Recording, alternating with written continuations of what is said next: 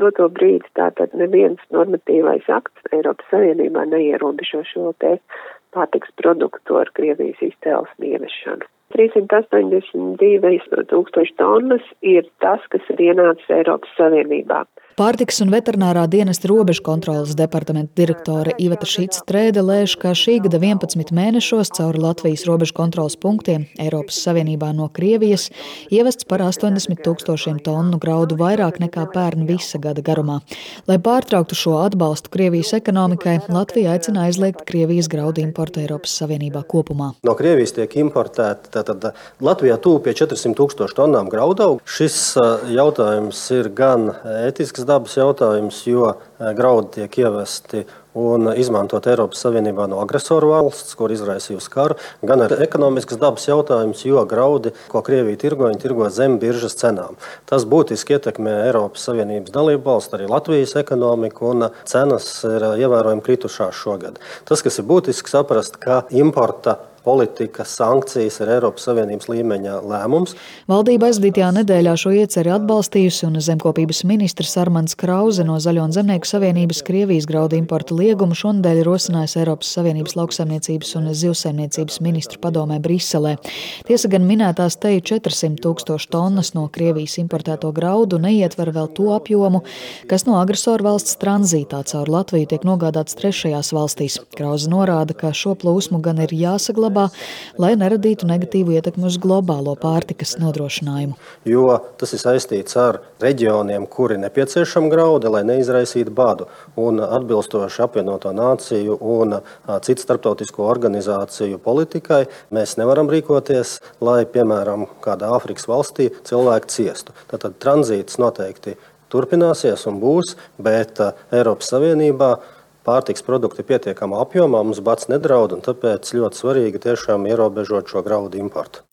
Savukārt Latvijas lielākais graudkopības kooperatīvs Latraps aicina valdību pastiprināt prasības arī Krievijas izcelsmes graudu tranzītam uz trešajām valstīm, lai pilnībā izslēgtu Latviju no dalības šajā ķēdē, skaidro kooperatīva graudu tirdzniecības nodaļas vadītāja Ginta Briede. Graudi ir tā produkcija, kura nav sankcionēta, tomēr Latraps iestājas par šo graudu importa aizliegumu Eiropas Savienībā un, un arī šo te izšķiršanos par to, ka mēs neapkalpojam šīs tranzīta kravas, kas nāk no agresoru valstīm. Tā ir tāda morāla izšķiršanās, vai mēs gribam atbalstīt šo Krieviju par katru izvesto graudu tonu, kas tiek aplikts ar eksporta nodokļiem. No savas puses mēs aicinam arī atteikties no šī te tranzīta, kā arī uz trešajām valstīm. Mēs būtībā aicinām atteikties no būšanas šajā ķēdē. Krievijas graudu importa aizliegums bez pieminētās morāles graudkopiem, protams, būtisks arī ekonomisku apsvērumu dēļ. Kooperatīva pārstāve vērtē, ka Krievijas graudu pārvadājuma ierobežošana veicinātu graudu cenu pieaugumu tirgu. Tās aplēses par tiem apjomiem, kas ir importēti no Krievijas, viņi ir, uh, ir izaudzējumi Eiropā, un mums pilnībā šeit Eiropā mēs esam pašpietiekami. Un, uh, savukārt, ja mēs runājam par šiem te eksporta tirgiem, kur uh, šīs te valstis pērk produkciju gan no Krievijas, gan, gan no citām pasaules valstīm, gan arī tāpat no Eiropas Savienības, tad, protams, tad mēs tiešām mērā konkurējam ar Krievijas izcelsmes precēm. Un, ja Krievijas izcelsmes preces ir lētākas, tad attiecīgi, lai mums būtu šie galamērķi, mēs varētu eksportēt, un lai no mums pirktu šo preci, tad, protams, mums ir jābūt lētākiem. No Krievijas cauri Latvijai sauszemes un jūras tranzītā uz trešajām valstīm šī gada desmit mēnešos pārvadāti 2,96 miljoni tonnas graudu un to pārstrādes produktu, kā arī sēklas un augļi, norāda valsts akciju sabiedrībā Latvijas dzelzceļš. Savukārt tikai 11 tūkstoši tonu no šīs kravu grupas bijuši arī importa pārvadājumi. Tādēļ rosinātajam Krievijas graudu importa aizliegumam nebūtu būtiski ietekme uz kopējo pārvadājumu apjomu. Tikmēr tieši tranzītā caur Latviju transportētās Krievijas graudu kravas šī gada desmit mēnešos veido ap 25% no Latvijas dzelzceļa meitas uzņēmuma LC Cargo kopējā pārvadāto kravu apjoma. Tiesa gan to, cik lielus finansiālus zaudējumus uzņēmumam varētu radīt arī tranzīta aizliegums, Latvijas dzelzceļš nekomentēja, taču uzņēmumā norādīja, ka kopš pagājušā gada marta, kad pakāpeniski stājās spēkā starptautiskās sankcijas, ievērojami krities apjoms te visos kravu segmentos. Mums nav zinām precīzi apjomu, cik paliek Latvijā. Bet tas, ko mēs zinām, ka Latvija ir viens no punktiem, caur kuriem tiek ievest graudu Eiropas Savienībā. Graudu imports lielākais parādās Itālijā, Latvija un tad Grieķija. Ja tās ir tās valsts, caur kurām. Zemkopības ministrs norāda, ka nav iespējams noteikt, vai un cik liels apjoms no Krievijas importēto graudu paliek tieši Latvijā, jo Eiropas Savienībā ir brīva preču kustība un uzņēmumi šos importētos graudus var nedeklarējot izvest uz jebkuru citu dalību valsti. No Krievijas tiek ievesti kvieši, rudzi, griķi un centrālās statistikas pārvaldes dati liecina, ka Latvijā šī gada 9 mēnešos 86% no Krievijas importētā graudu apjoma ir tieši kukurūza - ap 50 miljonu eiro vērtībā. Uzņēmumus, kas Krievijas graudus importē, ministrija nenosauc, bet cik daudz tādu ir Latvijā un kādās jomās tie darbojas, stāsta CSP makroekonomiskās statistikas departamenta direktors Inters Abržūns. Un, ja mēs skatāmies šo uzņēmumu uz saimniecības darbības veidu, tad uh, tas ir graudu, sēklu un loparības vairumtirdzniecība, kā arī transporta palīgdarbības.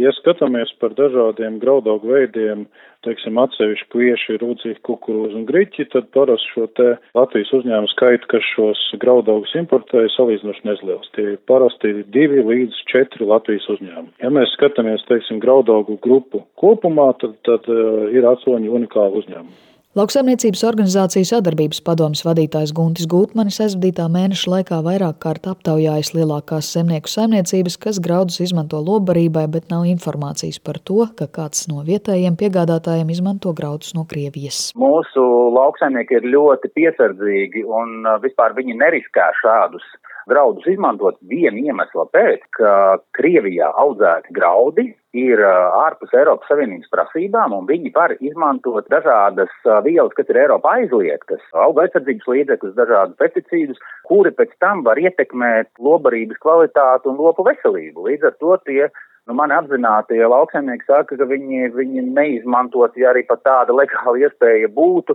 un cik es saprotu, tad, nu, tomēr tā lielākā daļa grauda aiziet tranzītā caur Latviju vienkārši uz trešajām valstīm.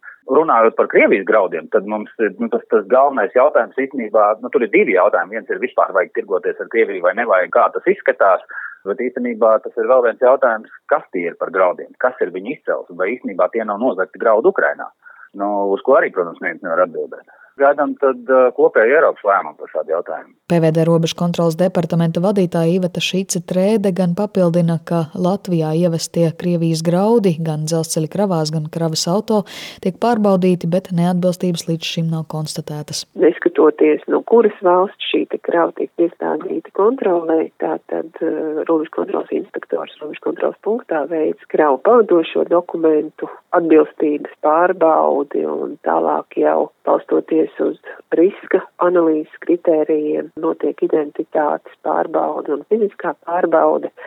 Tāpat tās tiek ņemta laboratoriskie izmeklējumi. Tātad uz doto brīdi gan dokumenti, gan arī laboratoriskie izmeklējumi parāda, ka šie produkti atbilst noteiktajiem nekaitīguma kritērijiem. CSP dati liecina, ka kopumā 2022. gadā Latvijā no Krievijas ievesti graudaugi 78,8 miljonu eiro vērtībā, un šajā gadā pagaidām 60 miljonu eiro vērtībā.